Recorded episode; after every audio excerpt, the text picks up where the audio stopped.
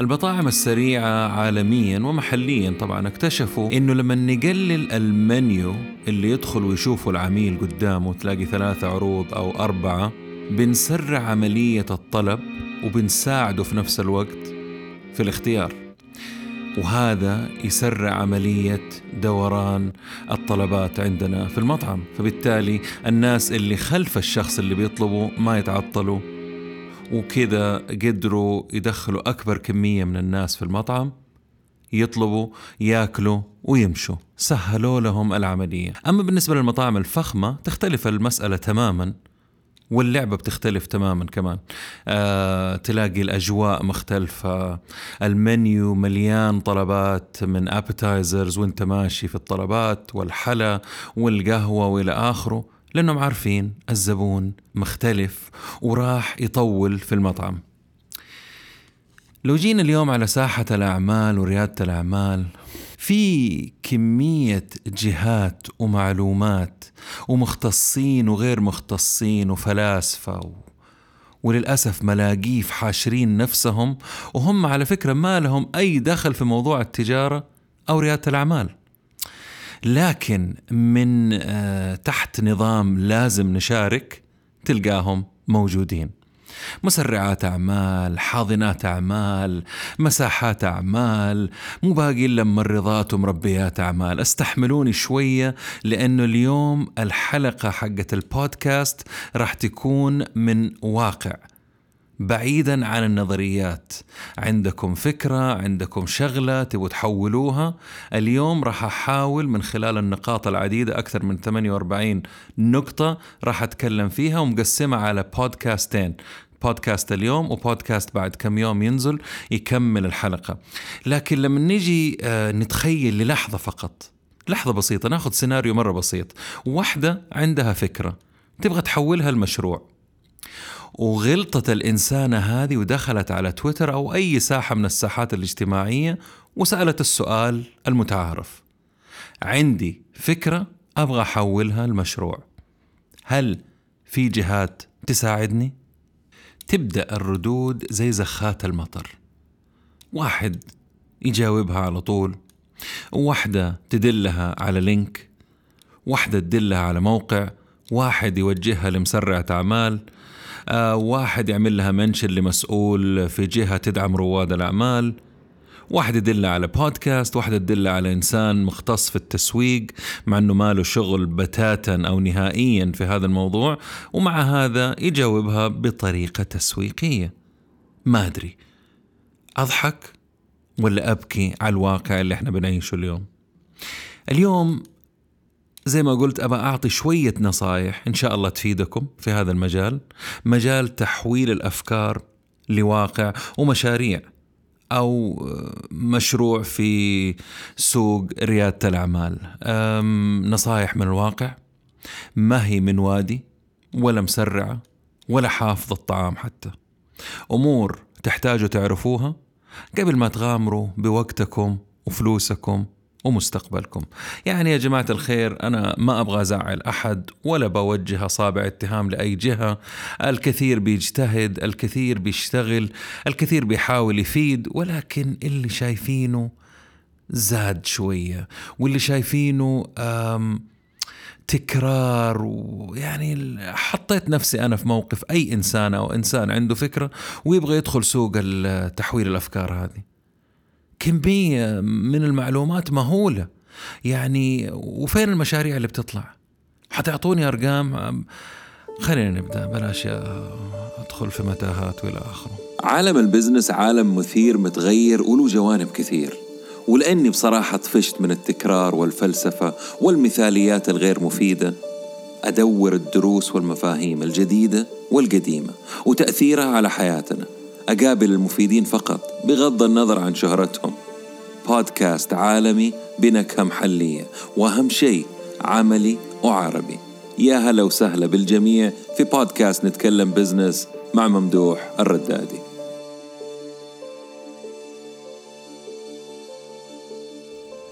سؤال بسيط. هل الملابس اللي بنشتريها كلها نفس المقاس ونفس الجودة ونفس السعر؟ يعني لو جينا على المعلومات حنكتشف أن المعلومات موجودة للكل اليوم في عصر الإنترنت.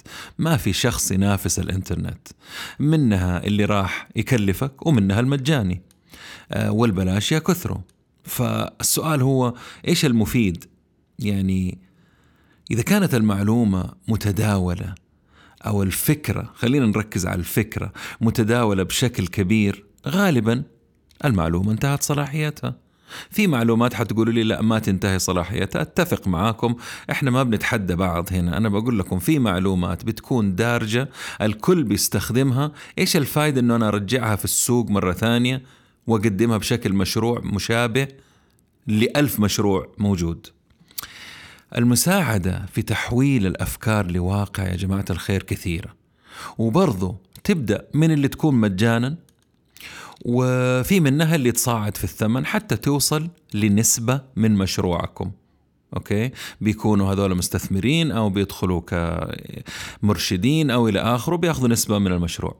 دائما أسأل نفسك هل فعلا أحتاج مساعدة؟ أحتاج شريك؟ أحتاج ممول؟ ولا تقدر لو ضغطت على نفسك وبشطارتك بأسلوبك تقوم الفكرة وتجيب عملاء قبل ما تطلب مساعدة ويبدأوا ينقصوا من نسبتك في المشروع. لأنه معروف إنه مشروع في عملاء في عنده بيع في عنده دخل يختلف تماما من فكرة ما بديت فيها أو ما عملت فيها ولا شيء. للمعلومية بس عشان تبدأ مشروع من الصفر ويشوف النور يحتاج جهد. الجهد هذا عشرة أضعاف. أقصى توقع توقعته أنت على أقل تقدير. يعني أنا توقعت مثلا أنه حيأخذ مني سين من ولا أسابيع أو شهور من العمل المتواصل أضرب في عشرة. بدون بدون تفكير. ولو كان أقل من كذا كان الكل عمل له مشروع في الويكند بدل ما يروحوا سهرتهم. الشيء الثاني أتمنى تشيلوا فكرة إنه أهم شيء الجري وراء الممولين والتفكير السائد. كيف أجذب وأقنع ممول أو شركة عندها استثمار جريء أو غير جريء إنها تدخل معايا؟ بدل ما تهتم بالفكرة وتكمل وتحاول آه إنك تحولها بالشيء اللي عندكم. يعني خلينا نكون واقعين شوية. لو كنت جاد راح تحط فلوس السيارة الجديدة أو السفرة الصيفية في مشروعك. فلا تقول لي ما عندي فلوس. في ناس كثير ما عندهم أنا عارف. وفي ناس بيدوروا. ولكن في ناس كثير برضو أكثر منهم عندهم وسيلة أنهم يتحصلوا على فلوس خاصة لهم هم قرض من الشركة اللي بيشتغلوا فيها. آه بدل ما يجددوا السيارة بدل ما يجددوا البيت بدل ما يسافروا. كل الأمور هذه ممكن تدخل في مشروعهم. ومع هذا يسووا الشغلات هذه وبعدين يقول لك لا أنا بدور على ممول لمشروعي أبغى أشتغل بفلوس غيري.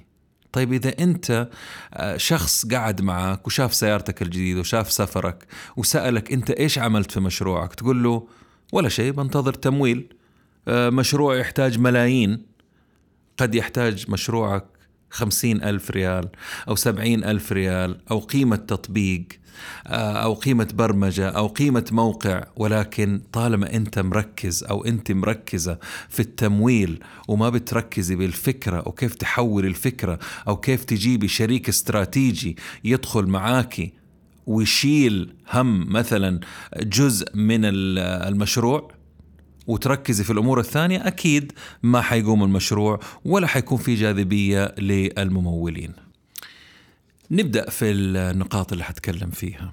في بعض الناس يعتقدوا إنه لو راح لمسرعة أعمال أو جهة بتقدم دعم وما نجح معاهم فيبدأ من حقه أنه يتكلم عليهم عن جهة ثانية أو يذمهم في منطقة ثانية. جماعة الخير هذول كلهم بيشتغلوا داخل إيكو سيستم واحد داخل منظومة واحدة.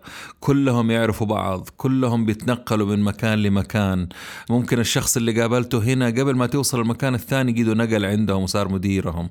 فانتبهوا للنقطة هذه وكل الأمور اللي بيختلفوا عليها ترى حتكون متشابهة في عدة أماكن. يعني مو ما حيكون مختلف من هنا لهنا. هي طريقة واحدة بيشتغلوا فيها وفلسفة واحدة في الاستثمار سواء كان من السيد من البداية جدا والانجل انفستنج ولا من المراحل المتقدمة. ف يعني نبطل نعتقد إنه هذول ناس مختلفين تماما أو داخل بلدان مختلفة، إذا هم في نفس البلد فغالبا يعرفوا بعض ويعرفوا المشاريع اللي بتتقدم عندهم وبيتكلموا عنها وبيتناقشوا وممكن يفيدوكم، ممكن يساعدوكم إنكم تروحوا لجهة ثانية عندها مكان يستفيدوا من فكرتكم ويساعدوكم فيها. النقطة الثانية تحتاج تسأل نفسك أو تسألي نفسك الإنسان اللي بيقدم لي المشورة هذه والمعلومات هذه هل هو فعلا كان في السوق قبل كذا؟ له مشاريع وفشلت أو نجحت أو مشاريع قائمة أو هو بدأها؟ ولا آه، نظريا تعلم المعلومات هذه أو درسها أو أكاديميك أو غيرها؟ ترى يختلف الوضع. في فرق بين إنسان يعلمني السباحة على الورق وبين إنسان يرميني في المسبح في الغريق ويقول لي أسبح. بعد ما علمني كل شيء وعشان يشيل مني الخوف راح رماني. ففي فرق كبير بين إنسان درسها نظريا وفي فرق بين إنسان عايش جوة السوق وشايف أمور كثيرة. وأنا ذكرت عدة مرات أشخاص قبل كذا واستضفتهم عندي في البودكاست كانوا من الناس اللي بيشتغلوا في السوق مش في مشروع واحد في عشرة مشاريع آه، منها اللي نجح منها اللي فشل منها اللي باعوه. وبالتالي بعد كذا إيش سووا؟ صاروا يدرسوا. ومن الشغف اللي هم فيه بدأوا يعطوا النصائح أنا أنصح إنكم تدوروا الناس هذول مش تقليل في الآخرين. الأشياء النظرية ممكن تروحوا لهم فيها ولكن تأكدوا من أصحاب الخبرة اللي كانوا موجودين في السوق أو ما زالوا في السوق. يختلف اختلاف كبير جدا. وعفوا يعني بدي أضيف بس هنا نقطة مهمة إنه برضو هذول النظريين اللي عندهم أتعلموها في جامعات خارجية بيجيبوا نظريات خارجية ما تنطبق في السوق المحلي. تحتاجوا ناس عايشين اشتغلوا شافوا الأنظمة شافوا المعوقات شافوا المطبات عاشوا جوة السوق السعودي أو العربي اللي أنتم موجودين فيه هم هذولا اللي راح يفيدوكم معلش كانت نقطة لازم أضيفها. النقطة اللي بعد كذا إنه القوانين القواعد الأنظمة السلوكيات حقت المستهلك والأذواق كلها تتغير ولازم تتعامل معاها بنفس الطريقة وتكون مستعد للتغييرات هذه مو توقف لما تحس إنه أوه تغير القانون هذا لا دائما الأشياء هذه متغيرات ما في شيء ثابت. الأنظمة بتتحسن الأمور بتتغير في قواعد ممكن تنزل تضر الفكرة اللي أنت فيها آه، في فكرة أنت كنت بتقدمها مقابل مبلغ أصبحت مجانية من جهة ثانية. فالإنسان لازم يكون عنده التفكير البيفتنج اللي هو الفكرة موجودة ولكن أنا ممكن أغير مساري أحسن فيه حسب المتغيرات اللي موجودة عندي. وهذا التفكير ممتاز بالنسبة للشركات الناشئة وال startups لسبب مرة بسيط إنه أنت حجمك صغير زي ال jet ski في البحر فرق كبير بينك وبين اليخت أو السفينة الكبيرة ال ocean liner اللي عشان تلف لازم تاخذ مسافة طويلة عشان تغير اتجاهها ال jet ski يغير اتجاهه في لحظة وبسرعة كمان. للمعلومية ترى المواضيع اللي بتكلم فيها ما هي مرتبة حسب الأهمية مجرد جاتني فكرة وبديت أنزل الأفكار كلها وكتبتها وقلت خليني زي ما قلت لكم في تويتر كنت حنزلها على ثريد لكن اكتشفت أنه أفضل تكون على بودكاست الأمر السابع هو التمهل أو أنه الإنسان يوقف ويفكر بهدوء لما يكون بيوزع حصص الشركاء. آه اللي لسه ما شافت النور. يعني المشروع يعني أنت بتتكلم عن مشروع لسه فكرة ودورت لك كم زميل أو زميلة وأنت بتشتغلوا مع بعض وقررت إنك تجيب إنسان لأنه ما عندك دخل فما عندك راتب فبالتالي تبغى آه توزع تعطيهم نسبة من المشروع. عشان يقبلوا يشتغلوا معكم في الفكرة. فبالتالي اللي لاحظته إنه في ناس كثير بيوزعوا نسب بطريقة غريبة بيعطيه 40% أو 50% أو 35% بناء على إيش؟ عشان مثلا شخص رضي يعطيله موقع عمل يشتغل فيه مكتب. ومجهز له هو يقول له أنا أعطيك المكتب وأخذ منك نسبة 35 ولا 40 ولا 50% طيب السؤال لما تبدأ الشركة تشتغل و وتعدي سنة أو سنتين والفلوس تبدأ تيجي حتسأل نفسك هذا الشخص اللي أنا أعطيته 35 أو 40% آه، إيش دوره في الشركة اليوم؟ إحنا نقدر نستأجر مكان هنا أو مكان برا. في ناس يجي يقول لك إيوه بس هذا وقف معايا في البداية. طيب وقف معاك تحسبها على الوقفة والمستقبل ما تحسب النسبة على الشيء اللي هو بيعمله اليوم لأنه في المستقبل هذا الإنسان اللي الشريك معاك ممكن يتدخل في الشغل ممكن يبغى يغير قرارات في الشركة لأنه عنده نسبة كبيرة ممكن يوقفك من أخذ قرارات معينة وأنت صاحب الفكرة. وهو كل اللي سواه إنه أعطاك الإيجار أو بدأ معاك بمبلغ بسيط فلازم تفكروا كم النسبة أستشيروا الناس أسألوهم كم أعطي مقابل الشيء اللي هو بيسويه لأنكم لازم تفكروا مستقبلا إيش اللي راح يصير مو بس في اللحظة اللي أنتم موجودين فيها الآن. الإنسان لما يكون محتاج مختلف تماما لما يكون المشروع ماشي والناس تتناقش معاه وليش أعطيته هذا نسبة كبيرة وتبدأ تشرح وتدخل في متاهات. فانتبهوا للنقطة هذه تمهلوا وقفوا وأسألوا الناس اللي فاهمين نجي على نقطة التوظيف وتعيين الناس في الشركة بعد ما تقوم وتكتشف إنه أنت محتاج موظفين أو تنفيذيين إلى آخره.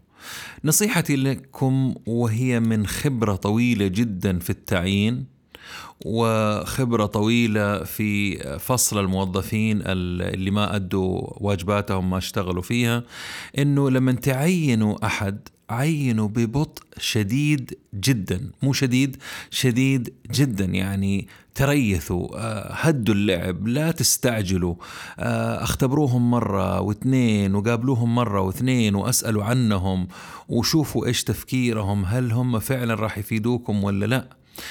ولما تيجي تفصل إنسان أو إنسانة ما بتشتغل ما بتأدي واجبها مقصرة بتأثر على روح الفريق خلاص يعني وصلت لمرحلة إنكم لازم تتخلصوا منها. لا تتركوها وتقولوا يا الله حدخل في متاهات دحين معاها ومكتب عمل على طول تخلصوا منهم بأسرع طريقة ممكنة حتى لو تدفعوا لهم راتب أو راتبين طلعوهم خارج الشركة. لأنه تأثيرهم سيء وراح يشل العمل. يعني آه، لا تفكروا إنكم أنتم أنا ألاحظ إنه في بعض الناس يطول في مسألة الفصل ويتسرع في مسألة التوظيف. أعكسوها. سرعة في الفصل وبطء شديد في التعيين.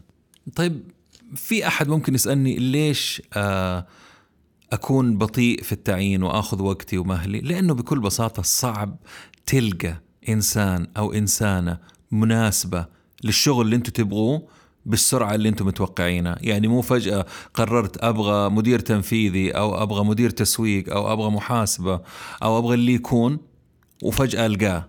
آه، تقولوا لي LinkedIn تقولوا لي آه، الشبكات حقت التواصل مكاتب التوظيف كله من واقع عمل صعب تلقوا الناس هذه.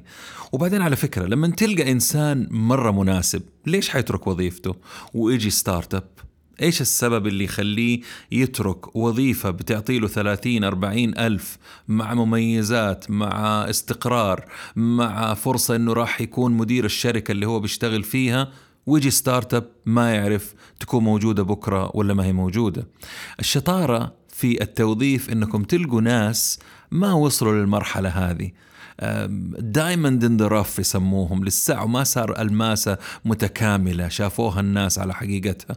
أنتم من واجبكم تدوروا تروحوا في الكوفي شوبس في المحلات في, في كل جهة. تكونوا عينكم على الشخصية على الإنسان أو الإنسانة المناسبين لكم أنتم والبيئة العمل اللي متخيلينها.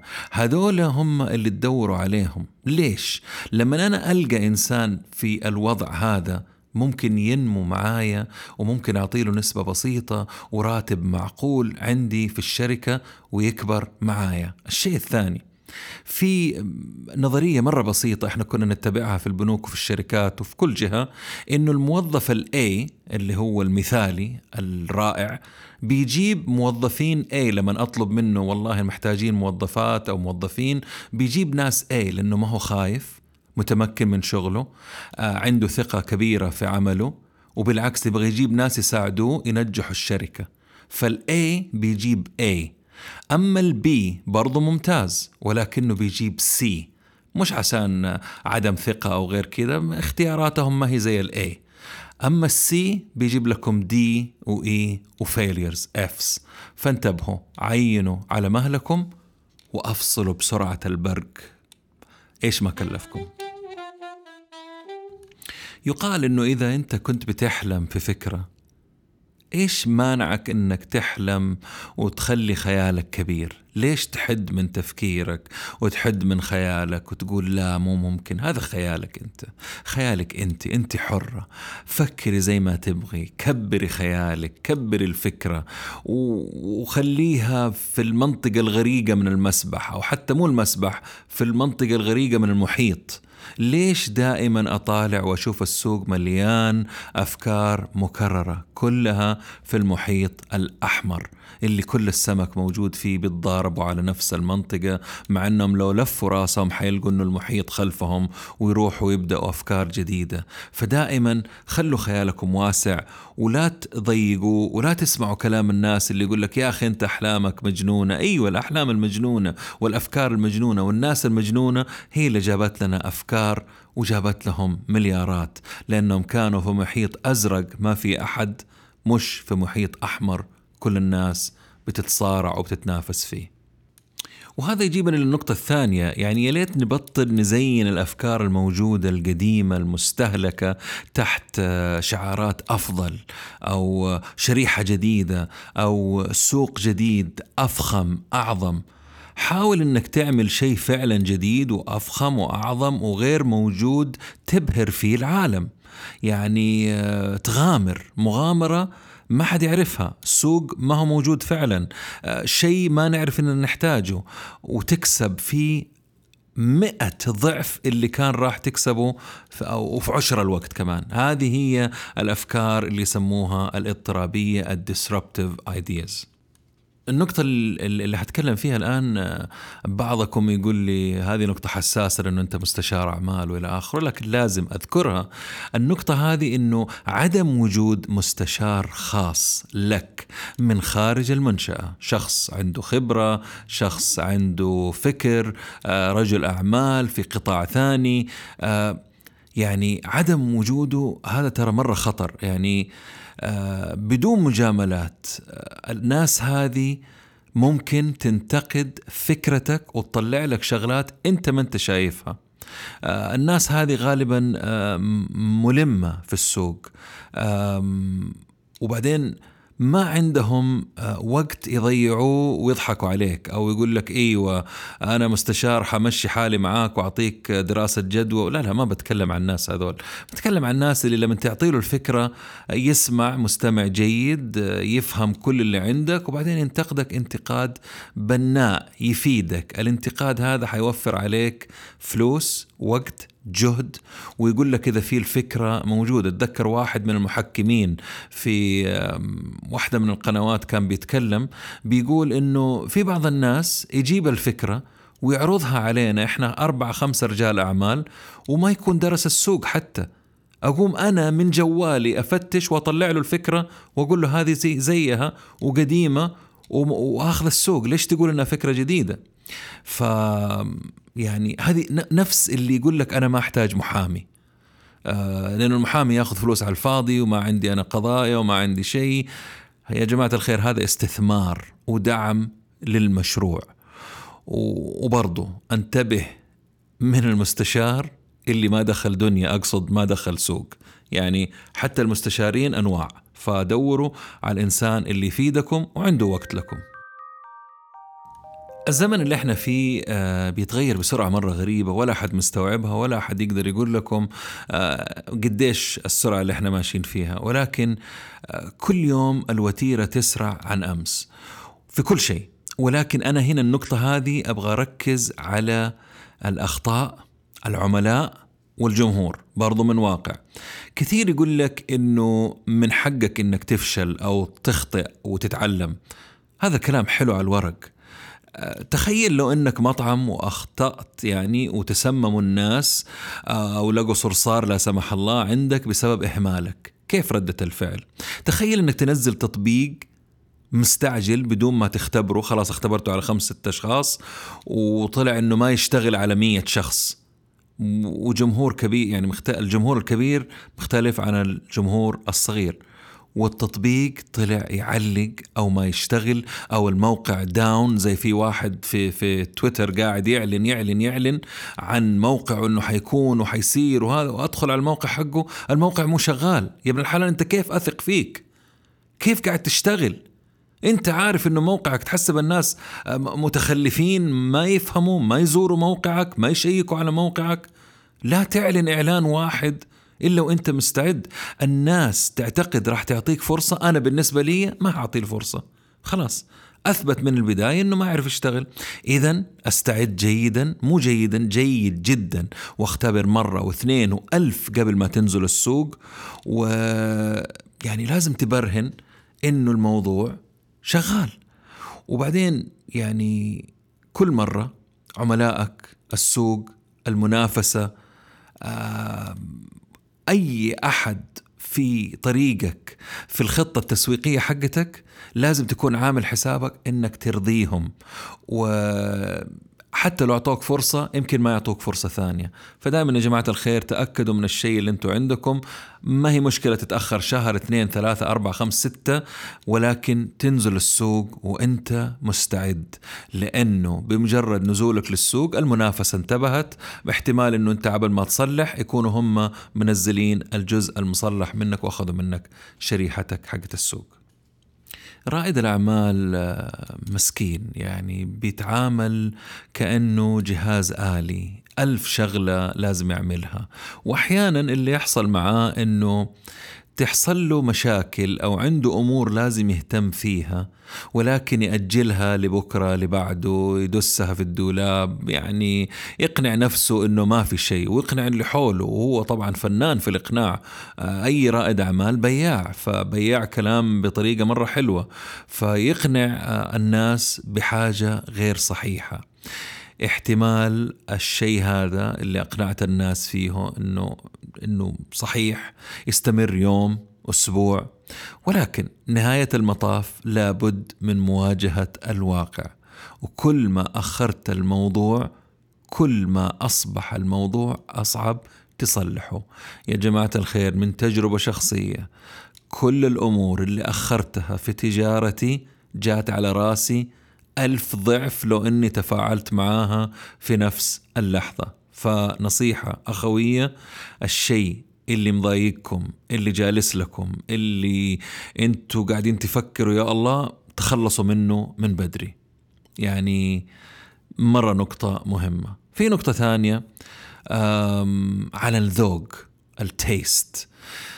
أمور كثير إن لم تكن جميعها مبنية على الذوق واللي لاحظته وكنت أنا فعلا شخصيا أمارسه برضه شخصيا النكبة إنه أنا بتكلم معاكم من خبرة شخصية.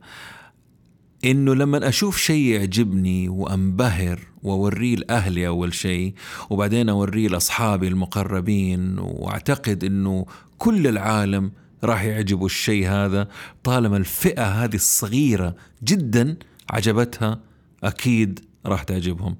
هذا يعتبر من أكبر الغلطات اللي ممكن ترتكبها في البزنس أو في المشاريع.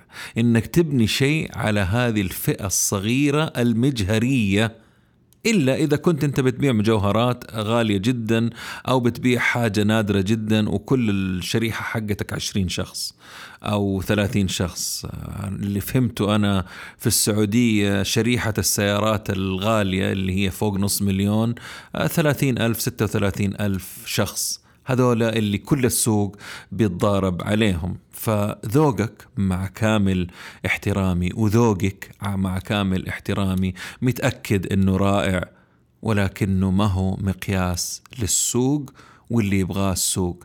حتى لو كنت الذويق اللي ما حصل لابد من عمل اختبارات متفرقة ذكية سرية عميقة لذوق السوق ما تسألهم مباشرة لأنه هذه أثبتت فشلها. إنك تروح تسألهم إيش رأيكم هذا حلو مو حلو مجاملة ما مجاملة. لازم تعمل عدة اختبارات إلين ما تطلع الذوق أو الطريقة ال taste اللي أنت آه، يناسب أكبر شريحة ممكنة. يا جماعة الخير الناس الشركات بتصرف مليارات على هذا الموضوع وبعدين تنزلها للسوق والكل يقلدهم هذول ال market leaders آه، أرجع أكرر ذوقك ما هو ذوق السوق؟ قد يكون كلامي قاسي ولكن هذا واقع. آه، قد يكون مؤشر جيد ورائع آه، ويفيدك في عملك لكنه برضو ما هو مؤشر السوق. إلا إذا كان اسمك جياني فرساتشي ومع هذا كان ذوقه يناسب فئة معينة جدا. أنصح آه إنه الواحد يتعلم من شركات التقنية العالمية زي ابل وسامسونج وسوني وكيف طريقتهم وإنتاجهم للمنتجات اللي تناسب فئات كبيرة أو الفئات اللي هم بيدوروا عليها وما تكونوا زي نوكيا اللي كانت تصنع لكل الناس وفي الأخير نهايتها آه زي ما أنتم عارفين. قبل كم يوم سألت سؤال آه، في تويتر أعتقد الأسبوع الماضي عن آه، الله يعزكم تربية الكلاب. واكتشفت أنه آه، كثير نصحوني أيوة تقدر بس تحتاج عناية فائقة اهتمام تمشيات أكل تطعيم طبيب بيطري. أمور الحقيقة فكرت فيها قعدت أقنع نفسي أنه والله ممكن اكتشفت أنه ما أقدر. أه تأخذ مني وقت كثير أحتاج مساعدة فيها يمكن مو في الوقت الحالي مستقبلا ولكن أه قلت لا. على قد ما الموضوع مرة مغري ومرة جميل وإلى آخره. فنجي على موضوع ال startups أو ال business أو إنشاء المشاريع. لو كنت إنسان تظن إنه الموضوع ما يبغاله آه أي حاجة مجرد إنه إنسان عنده شوية أفكار وإمكانيات وشوية طاقة يقدر يعمله ويقومه والموضوع يعني تكمله وتنجح اللي هي كلمة السر نصيحة أخوية آه شوف شيء ثاني تعمله. لا تضيعوا فلوسكم وقتكم ووقت غيركم. آه ترى ما بمزح. من جد خليك في وظيفتك رقم واحد. أستثمر فلوسك في الأسهم. طويلة المدى ما بقول إنه أسهم مضاربة. أو الأراضي واتركها تكبر مع الزمن. يعني حقيقي هي هذه آه، أشياء خطيرة ولكن على المدى البعيد ما هي في نفس خطورة ال startups okay؟ ال startup يا أستاذي آه، مخاطرها مستمرة آه، فيها تقلبات وتحتاج عناية فائقة واهتمام وتفرغ ذهني وجسدي كمان. يا جماعة مش تحطيم ومش إنه أنا جالس آه، أوقفكم من حلم أنتم تبغوا تسووه. أنا عندي إنسان يعرف إيش الشيء اللي حيواجهه أفضل من إنسان حالم داخل داعس داعم مو فارق معاه. بعدين يصدم في الجدار ويقول هم نصحوني هم قالوا لي انتهت حياتي ما انتهت حياته ولا شيء هي تجربة. ف لازم تعرفوا إنه تحتاج أمور كثيرة إنه الإنسان يقوم مشروع من فكرة. مرة كثير يعني وقت وجهد. وخليني ساكتين بس. نيجي على نقطة مرة مهمة ما حد يتكلم فيها كثير آه يتطرقوا لها بطريقة سريعة جدا اللي هي رائد الأعمال آه، أو صاحب العمل الخاص ومسألة الراتب الشهري أو السنوي لصاحب المشروع أو الفكرة. يعني أنت صاحب المشروع أنت صاحب الفكرة كم تاخذ راتب؟ هذا أعتقد بيدور في بال كثير منكم وأنا فتشت ونبشت لأنه أنا عندي شغلانة بشتغل عليها وبمر بنفس المشكلة فاكتشفت الإجابة وهذه هي الإجابة. عشان أوضح لك شوية أكثر لو المشروع اللي بديته بفلوسك مية في المية وعامل حساب راتبك من البداية إنه ترى راتبي من الشركة اللي تركتها كان مثلا ثلاثين ألف في الشهر وقلت إنك تستحق آه، في عملك الخاص الجديد أكثر. ممكن أستحق خمسين ألف. أنت حر فلوسك. آه، طبعا إذا العمل يستحمل. وما راح يقفل بعد ستة شهور بعد ما راتبك زدته كذا الخمسين ألف. أنت تستحق خمسين ألف ومشروعك يستحمل. أنت حر. هذه فلوسك وأنت حر فيها. اللحظة اللي تفكر تدخل فيها شركاء أو حتى شريك واحد أو مستثمر. الكلام هذا راح ينتهي ولازم توضح سبب ارتفاع راتبك. أنت دخلت شريك لازم تشرح ليش أنت راتبك كذا. يعني لازم تقول مثلا راتبي كذا ونسبته من الأرباح السنوية وتحاول تقنعهم. حكاية إنك أنت المدير أو صاحب المشروع هذه ما راح تنفعك. ليش؟ طيب في أسباب. يعني مو أنت اللي جبت الفكرة وقومت المشروع ومهم في الشركة وبدونك ما في مشروع وأنت اللي طبعت ال business cards وكنت كاتب founder آه، ولا founder and CEO أو أي اسم اللي تبي تحطه. أقول لكم ليش. بكل بساطة أي شريك أو مستثمر في أي مرحلة من مراحل عملك angel seed أو غيره من الأسامي بيدور على إيش؟ يبغى عوائد. وأي شيء يعطيه يعطل عفوا العوائد راح يعمل واحد من أمرين. واحد يلغيه ويحاربه القرار هذا اللي أنت بتقرره أو يخفضه قدر المستطاع. كل ما قلت المصاريف بما فيها راتبك طبعا اقترب أكثر من الأرباح آه، إن وجدت وزادت. مو بس كده تكون أجمل في عيون المستثمرين الجدد أو جهة تبغى تشتري المشروع ويتخارجوا يبغوا يعملوا اكزيت عشان كذا لو كان راتبك عالي وراتبك سيدتي مرتفع ومستوى معيشتك مرتفع وتعودتي عليه فكري ألف مرة قبل ما يعني تخفض راتبك من خلال مشروعك إلا إذا كان عندك مصدر دخل ثاني طبعا. المعروف الإنسان مع تقدمه في العمر والعمل يزداد راتبه وطلباته إلى آخره. لا تضحكوا على نفسكم. الطريقة الوحيدة اللي تخليكم تاخذوا نفس الراتب أو أكثر إنه يكون عندكم مشروع مبيعاته وأرباحه عالية مستمرة ومتنامية لدرجة إنه يعتبر راتبكم العالي شيء طبيعي. طبعا في أرقام آه، من جهات تمويلية والاستثمار يستخدموها ويتكلموا فيها.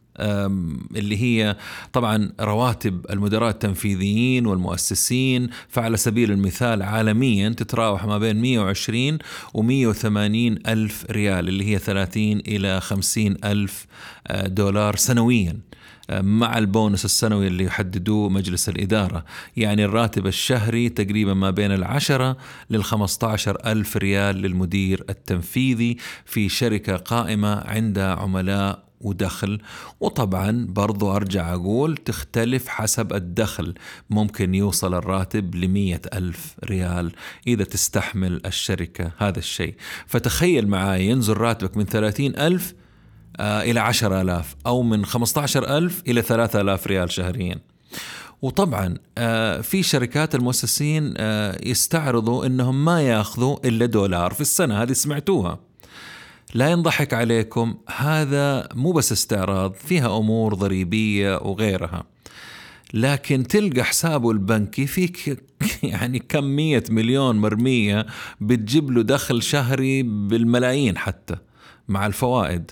لأنه سنويا ياخذ بونس بالملايين. قد تصل إلى 500 مليون دولار زي إيلون ماسك في عام 2018 وراتبه كان صفر. وعلى فكرة الشركة حقته خسرت مليار دولار في هذيك السنة. شايفين كيف المسألة معقدة وتحتاج آه، اتفاق من البداية مع نفسك ومع شركائك عشان ما تحصل مشاكل مستقبلا. طيب ليش آه، الناس دائما تقول لك والله أفضل أنك أنت تمول فكرتك من فلوسك الخاصة؟ على فكرة أفضل مية مرة من أخذ تمويل من أي جهة للأسباب بسيطة. أول حاجة القرارات قراراتك أنت والرؤية رؤيتك وما حد يناقشك. اثنين الابتعاد عن الشركاء ودورهم وقوتهم جيدين ما هم جيدين ومشاكلهم. ثالث الأمور أه تخليك تتحكم يعني حسب ما تشوف في أي وقت لأنها فلوسك. الدخل أتكلم فيه يعني. رابع الأمور سواء نجح مشروعك أو فشل هذه في الأخير فلوسكم الخاصة. ما حد له شيء عندكم وأنتم سيد أو أنت سيد الموقف. في عبارة بالإنجليزي مشهورة في الحب. آه، إيش تقول؟ حغير صوتي عشان يعني حب وكذا. If you love someone set them free. If they come back they're yours. If they don't they never were. ترجمتها؟ بالعربي. لو تحب إنسان أطلق سراحه لو رجع هو لك. لو ما رجع عمره ما كان لك. عشان النقطة هذه راح آخذ الجزء الأول من العبارة واربطها في قصة حبنا آه، مع مشروعنا وهي حبنا للفكرة والمشروع. آه، تحتاج تحب المشروع من كل قلبك وأعطيه كل شيء ولا تقصر معاه في يوم. ولكن اي نو دائما في ولكن المزعجة هذه اللي تخرب المزاج. مشروعك في يوم من الأيام في المستقبل إذا حالفك الحظ ونجح وجاء عريس جديد حاط عينه عليه وعرض عليك مبلغ يشتريه وتطلع من الموضوع. والمبلغ هذا يمثل إيرادات أو أرباح عشرة أو عشرين سنة قدام. بدون ما تتعب ولا إدارة ولا محاسبة ولا بنوك ولا قلق. هل راح تبيع ولا تقول لا؟ هذا حبي وحقي.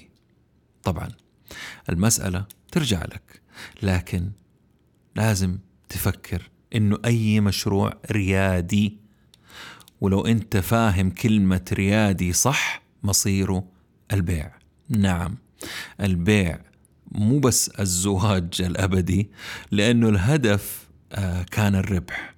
وهذا ربح عشر سنين قدام بس راح تأخذها اليوم.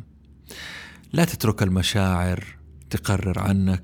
المفروض أشغل آه، موسيقى حزينة هنا تصدقوا. دقيقة بالله.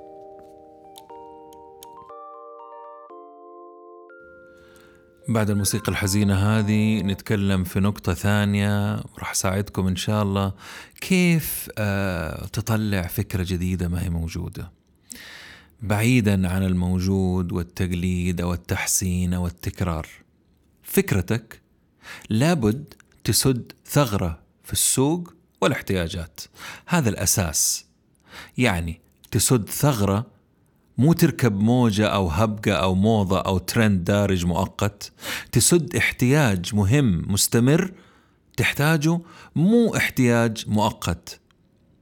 تروي عطش وتشبع جوع في السوق مو مقبلات أو تصبيرة خفيفة. أتمنى تكون وضحت. أي مستثمر يدور على حاجتين رئيسية. يرجع فلوسه رقم واحد واثنين يعمل ربح كبير جدا مقابل استثماره الجريء اللي عالي المخاطر. يعني تبى تجذبهم هذه النقطتين سرهم وجوهر عملهم. كل كلامهم وتحليلهم وأسئلتهم تدور حول النقطتين هذه وكل عروضك وكلامك وشرحك لفكرتك وتسويقك إذا بتدور استثمار لازم النقطتين هذه تكون محور حديثك حابكها كذا في الطبخة. لا تشعتر تفكيرهم وتركز على أحلامك وطموحاتك وتاريخك بدون ما تكون نهاية كل سطر ترجيع فلوسهم وأرباح خرافية. دائما فكر في النقطة هذه وفكري في النقطة هذه لما تتكلمي مع مستثمر آه، جريء أو بأموال جريئة أو اللي بيسموهم المستثمرين أنواع طبعا. أكبر ملاحظة لاحظتها في أفكار الشباب اللي أفكارهم تدور حول الطعام والمطاعم إنه وكلهم يحلفوا إنه تختلف الطبخة من عندي لهنا إنه في طرف واحد كسبان. نعم طرف واحد. اللي هو يعني خلينا أقول صاحب الدكان اللي بيأجر المكان المؤجر صاحب العقار. اللي يحصل بعد سنة أو اثنين أو حتى أقل المحلات الطلب يخف عليها. وبعدين يختفي لأنه الناس آه، تحب التغيير. وهم شايفين هم عارفين هم نفسهم يحبوا التغيير من مطعم لمطعم. ما في أحد كل يوم يروح نفس المطعم. وتحب الأسعار المعقولة وفيه ناس قاعدين يعلوا أسعارهم وتحب الاهتمام. مو واحد يعني المهم مشاكل ثانية. فبعد فترة الإيجار يقرب والمؤجر يبغى فلوسه. ويتحول من شخص لطيف حبوب لشخص لعين كريه ما يرحمك ولا يبغى ينتظر عليك وعلى مصاريفك وديكورك ومطابخك وخسارتك لأنه يبغى يجاره العالي جدا بالنسبة لك. آه وعنده مستأجر على فكرة جاهز حاط عينه على موقعك بفكرة ثانية. وقريب راح يترك الشاب هذا موقعه لغيره لأنه الإيجار غالي جدا. والموقع ملفت جدا ولكنه لا يصلح لستارت أب. آه، مصادرها بسيطة. ينفع فرع ثاني لمشروع قائم وناجح وعنده رجول زي ما يقولوا. أكثر مدمر للمشاريع في الأكل هو الإيجارات المرتفعة بدون أي منازع. أنا رأيي الشخصي أنه الإيجارات عالية جدا بالنسبة للمشاريع وأستغرب اللي عملوا لهم الدراسة هذول. ما قالوا لهم هذا الإيجار عالي عليكم؟ يعني ليش ما في جهة؟ سؤال هذا سؤال أطرحه احتمال في مستثمرين بيسمعوا الكلام هذا. ليش ما في جهة تتحمل آه عن رواد الأعمال وتدفع عنهم الإيجار مقابل نسبة من الأرباح؟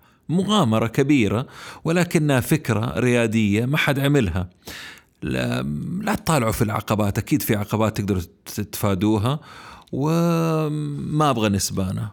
يعني جهة تجي تطالع تشوف المشاريع اللي تحس إنها ناجحة ولكن بتعاني بالنسبة للإيجار وتتحمل عنهم الإيجار تدفع تدفع لهم الإيجار وتأخذ نسبة بسيطة منهم ويتفقوا هم ورائد الأعمال. نحل مشكلة الإيجارات لأنه يعني ما نقدر نلوم صاحب الإيجار عنده موقع مميز أكيد بيكون غالي. آه، جاله شخص بيتكلم معاه عن فكرة مشروع ما همه صاحب العقار إلا أنه يستلم المية ميتين ثلاثمية ألف إيجار حقته وهذا طز فيه في الأخير. اديني فلوسي نجح نجح ما نجح انتهينا. ففكروا فيها فكرة على الطاير كده. في عام 2015 40% من أكبر الستارت ابس فشلت وأفلست وما رجعت فلوس أو عوائد للمستثمرين والرقم في تزايد. وصاحب المال الجريء يدخل اللعبة هذه ترى للمخاطرة العالية والأرباح العالية. تسعة تخيب وواحدة تصيب تجيب له أرباح كل اللي راحوا وخسرهم.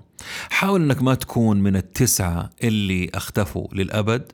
وادرس مشروع مشروعك واستشير ولا تتبع اللي ما عندهم إلا الحكي بدون خبرة سوقية.